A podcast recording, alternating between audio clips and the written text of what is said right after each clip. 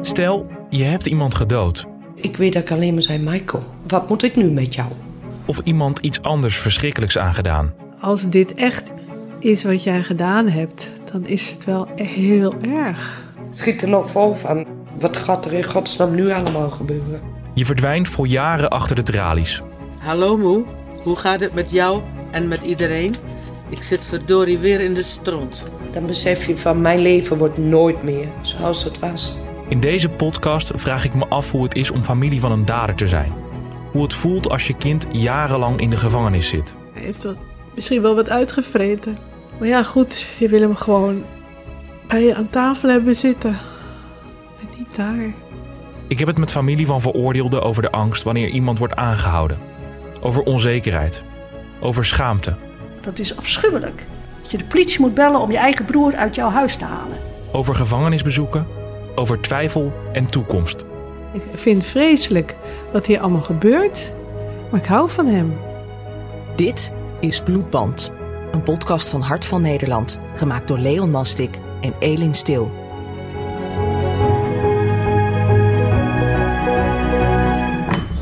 wil jij koffie? Lekker? Ja. Dankjewel. Elin en ik zitten voor deze tweede aflevering nog steeds aan de keukentafel bij Helene en Debbie. We hebben net verse koffie en thee gehad. Maar als ik een nieuwe vraag wil stellen, maakt Helene plots een gebaar. Wil je even roken? Ja. Helene rookt een sigaret om even tot rust te komen. Want vorige week hoorde je al dat ze het soms moeilijk heeft als ze over die eerste weken na Michaels aanhouding praat. Dat is de flair. De flair. Ja. Ondertussen komt Debbie teruggelopen uit de gang. Ze legt een tijdschrift op tafel en slaat het open. Had zij hem maar gedood, lees ik. Best groot interview eh, geworden. Met foto's? Met foto's, ja. Herkenbare foto's. Ja. Heb je daar lang over na moeten denken, naar alles wat er is gebeurd ook in die eerste weken? Eh, ja. En we hadden ook in eerste instantie afgesproken dat we de foto's zouden maken uit een punt waar, eh, waarop het niet ehm, herkenbaar zou zijn. Ehm, maar ja, ik ben dit. Ik ben niet Michael of zijn delict. Ik vind het opvallend hoe herkenbaar Debbie op de foto staat. Net zoals dat het opvalt hoe open zij en haar moeder hun verhaal nu aan mij vertellen. Ehm, ik heb mij in het begin gewoon vooral heel erg verstopt. Ehm, ik ben ook een andere naam gaan gebruiken, achternaam gaan gebruiken. ehm, zodat als ik nieuwe mensen leerde kennen, dat ze mij ook leren kennen als de persoon die ik ben. En niet eh, wie mijn broertje is of waar ik de zus van ben. Maar ik heb nou de laatste tijd wel meer het, het gevoel dat ik ehm, mezelf niet langer meer moet verstoppen. Ik wilde absoluut niet te koop meelopen. maar ik ben nou wel ehm, vandaag op het punt dat ik kan zeggen van ja, maar ja, dat is mijn achternaam, zo heet ik. Zo, ja, dat, ja Michael P. is mijn broertje. Ehm, maar ik ben hem niet. Ik ben ik. Ik ben ik. Maar zo vanzelfsprekend als Debbie het nu verwoordt, blijkt het in de praktijk niet. Veel mensen in de omgeving van de familie willen na de aanhouding van Michael niets meer met ze te maken hebben. Dus je moet samenvatten wat de impact is op jou als moeder van de dader in dit geval. Die impact is zo groot, die is niet te overzien eigenlijk. Ehm, Hoeveel heeft het je gekost? te veel, veel te veel. Zijn er veel mensen in jullie levens afgehaakt? Ja. Wie zijn Ja. die mensen? Ehm, vrienden, tussen Familie. haakjes, familie. ooms, tantes waar wij vroeger eh, d- dagen de deuren plat liepen. Ehm, neef, nicht, eh, waar wij vroeger een hele goede band mee hadden. Ook eigenlijk altijd met elkaar optrokken. Eh, Mee opgegroeid zijn. Mee opgegroeid zijn, ja. Eh, die, die, die, die draaien zich om en die doen ja, alsof, je, alsof, alsof ze je niet meer kennen. Die willen geen contact meer met jullie ook. Nee, we hebben later nog wel geprobeerd. Heeft wel iemand nog contact met me gezocht, maar dat ik dacht, nou, je hebt me zo vreselijk eh, in het hart geraakt door mij ehm, te laten vallen op het moment waarop ik heel erg eh, nodig had. Zagen ze jou ook als dader dan, op dat moment? Ja, ik denk een verlengstuk. Eh, zo voelde ik het wel. En dat, dat voelde gewoon als groot onrecht. Toen dacht ik, eh, kom naar me toe, vraag. Vraag, dan krijg je gewoon antwoord. Het verlies gaat verder dan alleen familie en vrienden. Helene voelt zich door de bedreigingen niet meer veilig in haar eigen huis. Nadat ze op verschillende tijdelijke adressen heeft gewoond, besluit ze maar naar een nieuwe plek te verhuizen. In de hoop op een nieuw begin. Debbie zit ondertussen al vier jaar werkeloos thuis. Dat heeft me eigenlijk ook maar, ja, mijn baan gekost. Eén, eh, bij, ik had twee banen. Ehm, bij één baan werd mijn contract werd niet verlengd. Ehm, bij, Om deze reden ook. ja, dat, dat is nooit hardop uitgesproken. Ehm, ehm, ja, en mijn andere baan, dat is uiteindelijk eh eh, te kosten gegaan doordat ik eh, ja, op een gegeven moment niet meer kon. Ik ben de ziektewet eh ingegaan om, ehm, ja, om op adem te komen eigenlijk. En dat eh, doe ik nog. De impact op hun levens is dus groot. Maar helemaal nieuw is het voor Helene en Debbie niet. Want ruim tien jaar terug wordt Michael dus ook al veroordeeld. Voor een serie straatroven en voor een gruwelijke dubbele verkrachting van twee meisjes. Ja, verschrikkelijk natuurlijk. In eerste instantie, hè. Want ook was hierbij natuurlijk een situatie van slachtoffers en hun familie... die enorm veel verdriet eh, hadden. Ehm, vond ik ook onbegrijpelijk dat hij dat gedaan had. Het begrip naar Michael toe. Naar Michael Ja. toe, ja, ja. En daar heb ik natuurlijk ook heel veel gesprekken met hem over gehad. En ehm, ja, en dan denk ik, ja, ik denk dat iedereen wel recht heeft op een tweede kans. Maar voor Debbie lijkt me dat misschien anders. Rond de verkrachting van de twee meisjes is ze zelf net moeder geworden van haar eerste dochtertje. Hoe heb je dat gedaan? Hoe heb je daar over Ehm, nagedacht? Nou, ik heb ook al eerder tegen Michael bij zijn eerste licht gezegd van... weet je, ik, ik ben hier nu een eerste keer voor je. Ehm, ik kan je niet beloven dat ik, hè, dat ik de, mijn tweede keer ook voor je zal zijn. Ehm, want ik ben natuurlijk in de tussen ook ehm, nou, ouder gaan worden. eh, hè, huisje, boompje, weesje, kinderen, partner, leven. Dat heb ik ook gezegd tegen hem. Ehm, in het verleden dat, dat ik zei, dit, dit is eh, gebeurd en daar zul je mee moeten leven. Daar moeten we allemaal mee leven. Dat is al zo moeilijk. Ehm, dit kan ik nooit geen eh, tweede keer accepteren of aanvaarden. Maar een tweede keer komt er dus toch. Met de verkrachting en het doden van Anne Faber. En dus is de vraag: geven zijn moeder en zus hem inderdaad geen kansen meer? Dit geluid is je misschien vorige week wel opgevallen. Het is de telefoon van Helene die op tafel ligt en soms een bericht ontvangt. Ze verwacht namelijk een telefoontje vanuit de gevangenis. Van Michael. Want ja, ook na zijn tweede delict heeft ze nog steeds contact met hem. Dat had ik van mezelf dus nooit verwacht. Je had echt gedacht, het is, als dit nog een keer gebeurt... Dan is het klaar, dan wil ik je nooit meer zien. Ik heb ook wel momenten gehad dat ik denk van... ik wou dat ik kon zeggen van ik hoef je niet meer te zien. Ik wil je niet meer spreken. Ehm ehm, dat ik natuurlijk ook echt verschrikkelijk boos op hem ben geweest. En soms ook echt nog wel ben. Ehm, maar toch zo zijn wij als gezin niet... ehm, zo zijn wij niet opgegroeid. Maar de laatste keer dat ik hem in levende lijf heb gezien... dat is bij het hoge beroep geweest in de rechtbank. Maar dat was eh, de eerste keer nadat hij is gearresteerd... en eh, de laatste keer dat ik hem in levende lijf heb gezien. Voor Debbie is er dus wel wat veranderd. Toen Michael zijn eerste straf uitzat, ging ze met haar kinderen langs in de gevangenis. Maar nu blijft het beperkt tot telefoontjes. Hij belt mij twee keer in de week. Ja, minimaal. En hoe is dat? Is dat altijd gezellig? Of is dat nee, zeker niet. Nee. Ehm, de ene dag gaan we dan, dan, dan praten we over de meest grootste onzin. Eh, de, de andere keer dan, dan, dan hebben we het over het verleden. Eh, de andere keer heb ik ontzettend veel vragen. Ehm, en dan de keer erop ben ik ontzettend boos op hem. En dat, ehm, dat is ook gewoon allemaal bespreekbaar. Het, het, het, er kan over gesproken worden. En dat is ook iets waarvan hij zegt van ja, maar als ik jullie daar daarbij kan helpen, ja, nou ja, dan doe ik dat. En als het een moment is dat ik hem aan de telefoon heb en ik zeg ik ben je zo zat en ik scheld hem uit, want dat kan. En dat doe ik dan ook. Dan zegt hij oké, nou ja, ehm, heb je het eruit goed, heb je nog meer? En dan is het van nou ja, oké, en nu? en dan... eh, Ja. ja, weet je, hij laat het dan ook op zich afkomen. En dat zegt ook, als ik je daar dan mee kan helpen, dan doe ik dat. En eh, als je dat nodig vindt om even flink boos op me te zijn, dan, dan moet dat maar. En ja, Want je gaat nu niet meer langs, toch? nee, klopt. Ehm, ja, hoe moet ik het zeggen? Het contact tussen Mike en Michael, dat is, dat is er. En dat, dat zit ook echt goed. Ehm, maar ik heb ook mijn leven. En ik heb een gezin en ik heb twee kinderen. En ehm, Dat, ja, dat komt bij mij gewoon ten alle tijde op nummer één. En, ehm, en dat weet Michael ook en daar heeft hij ook alle begrip voor. En ehm, ja, Ehm, maar hij is er nog wel. En hij is onderdeel van mijn gezin. Alleen eh, ja, niet meer zoals dat hij was. Ik denk dat je als moeder of als zus allebei anders in het proces Ja. staat natuurlijk. En Debbie heeft natuurlijk haar eigen gezinnetje waar ze daar in de eerste plaats natuurlijk altijd voor moet zijn. Dat is het belangrijkste voor haar wat er is. Ik zou ook niet anders willen. Dat, ehm, maar daarnaast heeft ze een broertje die ehm, dit gedaan heeft en waar ze ook mee dealen moet. En waar haar hele gezin mee dealen moet. En, dat, ehm, en wat haar beperkingen geeft en haar kinderen dingen meegeeft voor de toekomst. En dat eh, ja, vind ik heel zwaar. En ik vind wel dat ze het heel, dat ze ondanks alles ehm, er ook kan zijn eh, voor Michael. Ehm, ik weet niet of ik in haar situatie hetzelfde had gedaan. Dus ik vind dat altijd heel eh, bewonderenswaardig.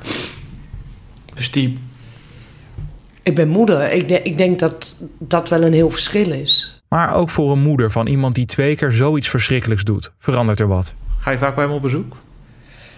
Ehm, ik ga op bezoek wanneer, eh, ehm, wanneer het nodig is en wanneer ik eh, kan. Want ehm, in het verleden heb ik, eh, na zijn eerste delict, heb ik echt alles opzij gezet om te kunnen gaan. Eh, ik was toen ook zelfstandig onderneemster, dus ik kon mijn tijd indelen en gaan wanneer ik wilde. Ehm, nu kan dat niet. Ik heb een baan, een baan, met verantwoording. Ik ehm, ga wanneer ik kan. En wanneer, ehm, wanneer ik het gevoel heb dat ik moet of wanneer het nodig is. In het eerste delict van Michael was het vooral zo dat eh, Michael een hele hoge prioriteit had in ons leven. Omdat hij ook weer eh, terug zou keren in de maatschappij. En met goede begeleiding in principe zijn leven weer op zou kunnen bouwen. Dus dat hebben wij ook altijd in stand proberen te houden. Omdat we weten dat hij in principe een, een soort van thuiskomen bij ons had. Ehm, nu is het ook zo dat, ja, weet je, dat die kans dat dat ooit gaat gebeuren, die is zo ontzettend klein. Ehm, en Speelt ook mee dat het de tweede keer is? ja, zeker wel. Ehm, maar nu is het ook zo dat wij ons, ehm, en zeker mijn ouders, zich heel, hebben- heel erg hebben we- weggecijferd in vooral Michaels eerste delict. Michael eh, hebben ze zelf eh, boven zichzelf eigenlijk altijd geplaatst in die periode. Ehm, nu is het ook zo dat ze zichzelf voorop plaatsen. En dat, dat is ook nodig. Ga je ooit, denk je, naar hem toe in de gevangenis? Weet ik niet. Ik, ik heb geen glazen bol. Ik, ik kan nu wel zeggen van, nou ja, ja, ik ga wel, nee, ik ga niet. Eh, en voor hetzelfde gaat ik daar volgende week. Ik weet het niet. Hou je van hem? Ja. Maar ik ben ook boos op hem. Ja. Ja, ik kan er niks anders van maken, ja. Ja. Hoe ik daar nu tegenaan kijk, ja. Weet je, ik, ik, ik, ik ben zelf ook een vrouw. Ik heb ook twee dochters. Eh, als hun ooit wat zou overkomen... ehm, ik zou niet weten waartoe ik in staat zou zijn. Ehm, Richting een dader. ja. Ehm, dus eh, de woede en de frustratie van, van de mensen die dichtbij staan, die, die begrijp ik ook volkomen. En dat is wel de interessante psychologie natuurlijk, wat je nu zegt. Van, als ik in de slachtofferpositie had gezeten, Ja. dan had ik een dader alles aan Ja. kunnen doen. Terwijl je als zus van een dader zegt van, het blijft mijn broertje. Ja. Kun je verklaren wat dat is? Nee, dat is het moeilijke eraan. Ja, ik vind het heel lastig hoe ik dit moet uitleggen. Het zit, het zit goed in mijn hoofd, ik krijg het er moeilijk uit. Ehm, maar ik heb ook twee dochters. En ehm, ja, ik, ik, ik hoop natuurlijk met, met alles wat ik in me heb dat hun eh, nooit wat overkomt. Ehm, maar eh, komt niet aan mijn kinderen. Maar ehm, zoals Michael wordt beschreven, zoals hij heeft gedaan. ehm, ik geloof zeker dat hij, eh, eh, dat, wat, dat, wat hij heeft gedaan, dat hij dat gedaan heeft. Maar ehm, ik ken hem ook anders. En hij is niet zijn delict. Hij is, ja, mens. En ik weet dat heel veel mensen dat niet geloven, maar hij is het echt. En ja, hij heeft vreselijke dingen gedaan. Maar dat is niet de persoon die ik ken. Dat is niet de persoon waar ik mee ben opgegroeid. En ehm, Heeft die constatering je uiteindelijk ook verrast? Dat je familieband, je bloedband zo sterk is dat je dat kan scheiden ergens? Ehm, ja, dat weet ik niet. Ja, eh delict is een momentopname. Ehm, ja, maar dat betekent niet dat die persoon ook ehm, altijd fout is of is geweest.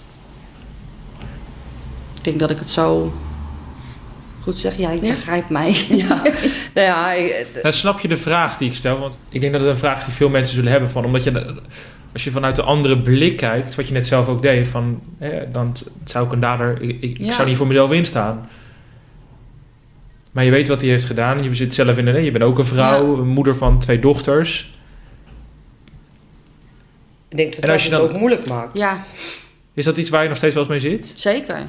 Ja. Ja. Ik denk, wat stel je voor dat mijn kinderen ooit wat overkomt. En dan, dan moet ik gaan zeggen... eh, ja, maar ehm, hoor eens even. Je moeder heeft een broer en eh, die heeft hetzelfde vroeger gedaan. Dat, dat, dat... Ik hoop, ik hoop dat ik nooit in zo'n situatie terechtkomt. En dan?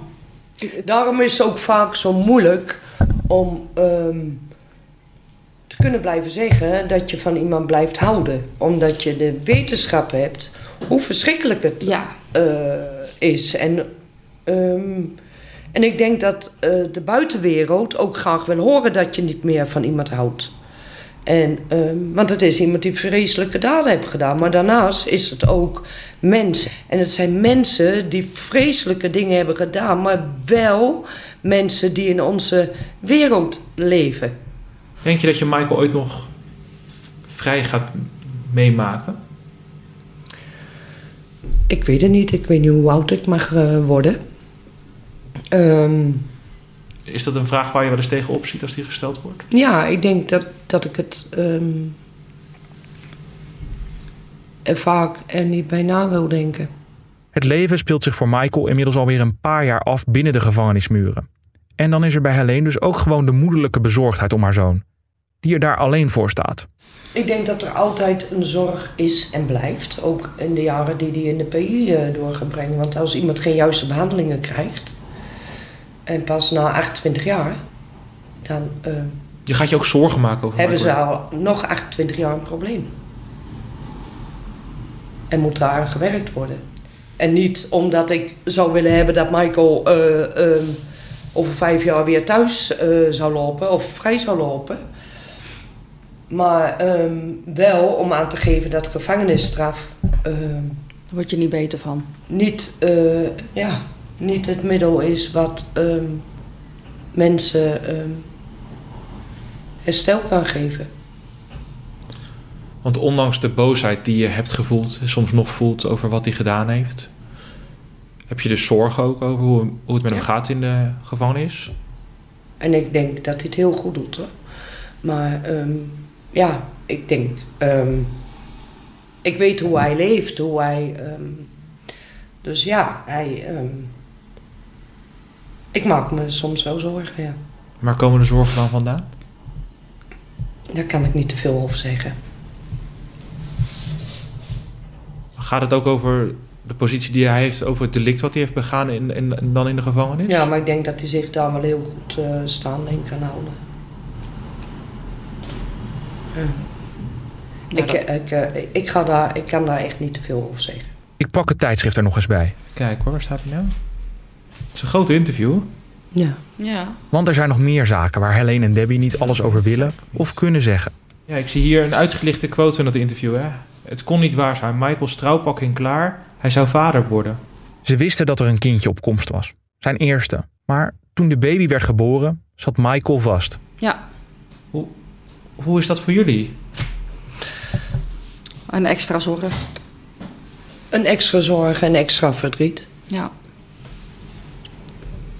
En dat is ook iets waar we ehm,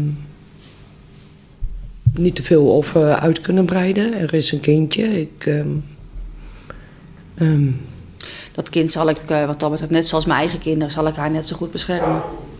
Dat, eh, ook zij heeft hier niet voor gekozen. En ook zij hoeft niet de dupe te worden van iets wat eh, een ander heeft gedaan.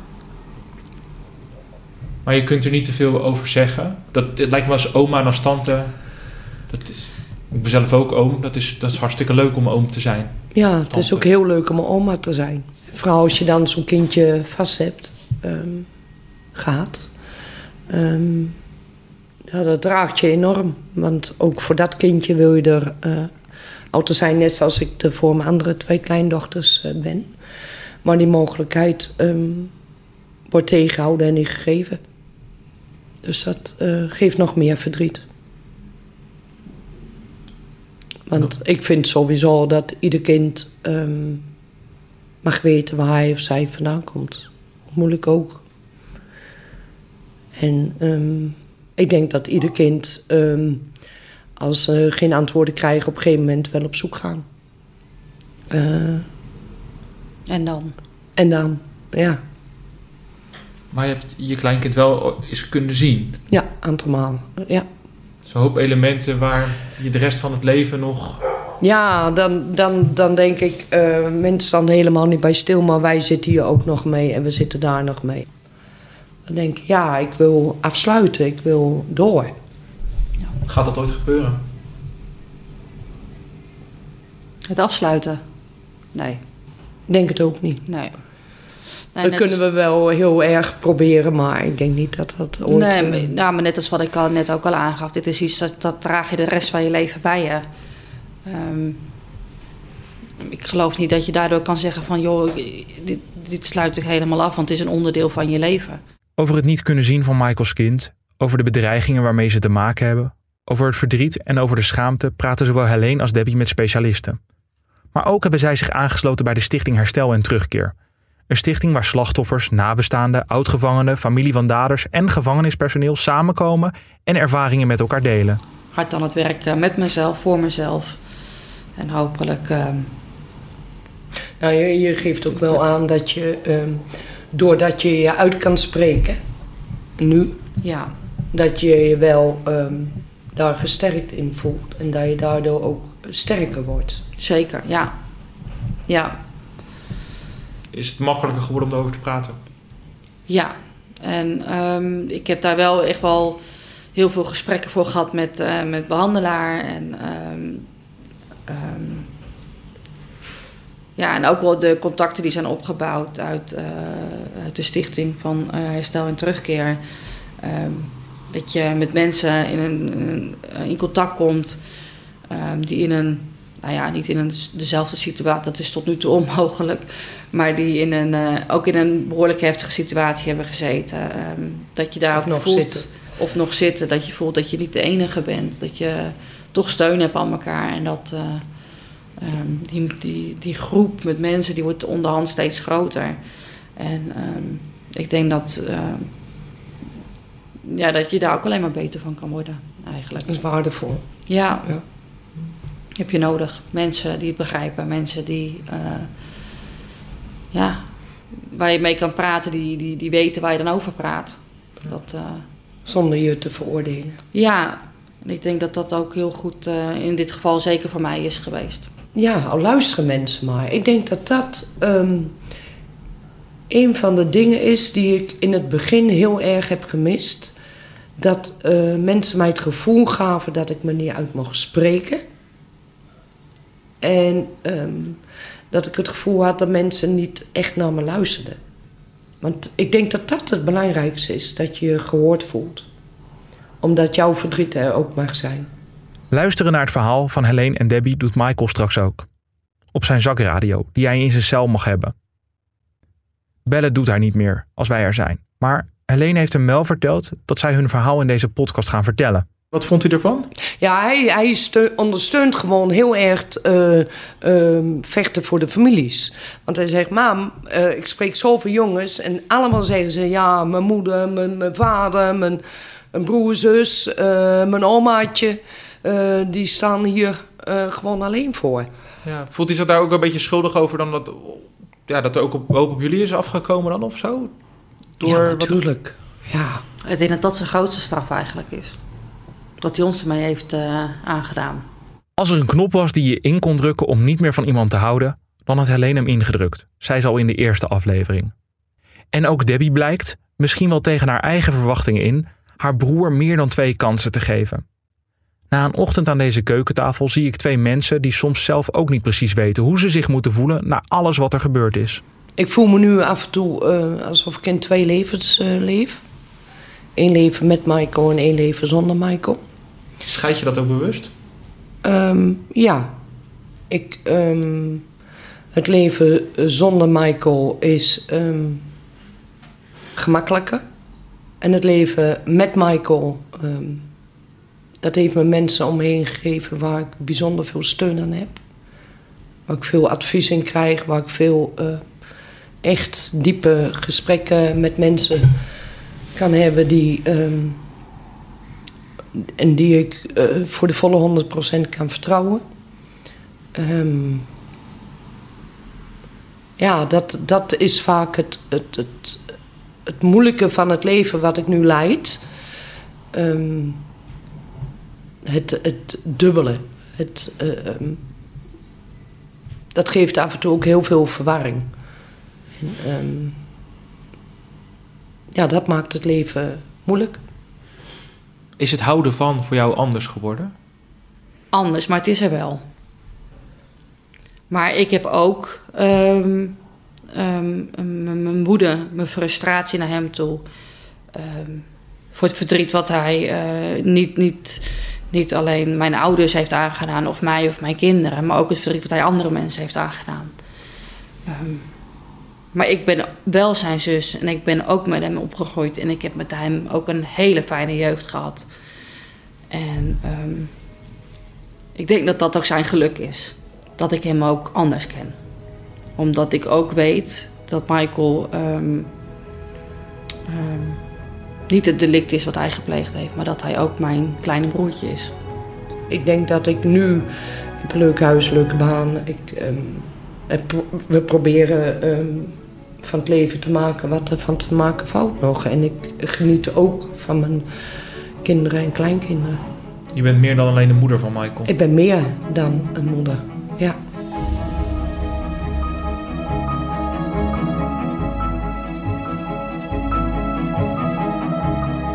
Dit was Bloedband, een podcast van Hart van Nederland. De redactie is gedaan door Daniel Bom en Elin Stil. Eindredacteur is Irene Jansen. En voor deze aflevering zijn we erg goed geholpen door Stichting Herstel en Terugkeer, die voor ons wilde bemiddelen. Aan het einde van dit gesprek is het misschien goed om nog eens te benadrukken dat we ons bewust zijn van de gevoeligheid van deze verhalen. Voor slachtoffers, nabestaanden en andere betrokkenen is het mogelijk een ongewilde confrontatie met daden uit het verleden. Soms kiezen we er daarom voor om niet de echte naam van de dader te gebruiken. In andere gevallen informeren we de betrokkenen dat we dit verhaal opnemen en uitzenden. En aan iedereen die meewerkt leggen we uit dat we het willen hebben over hun ervaring als naaste van een dader. We willen vooral niet het delict jureren en de strafmaat bediscussiëren. Dat is aan de rechter. Volgende week is er weer een nieuwe aflevering. Te vinden op Duke, Spotify en in iedere andere podcast-app. Vind je deze podcast interessant? Laat even een reactie achter en vertel erover aan je vrienden.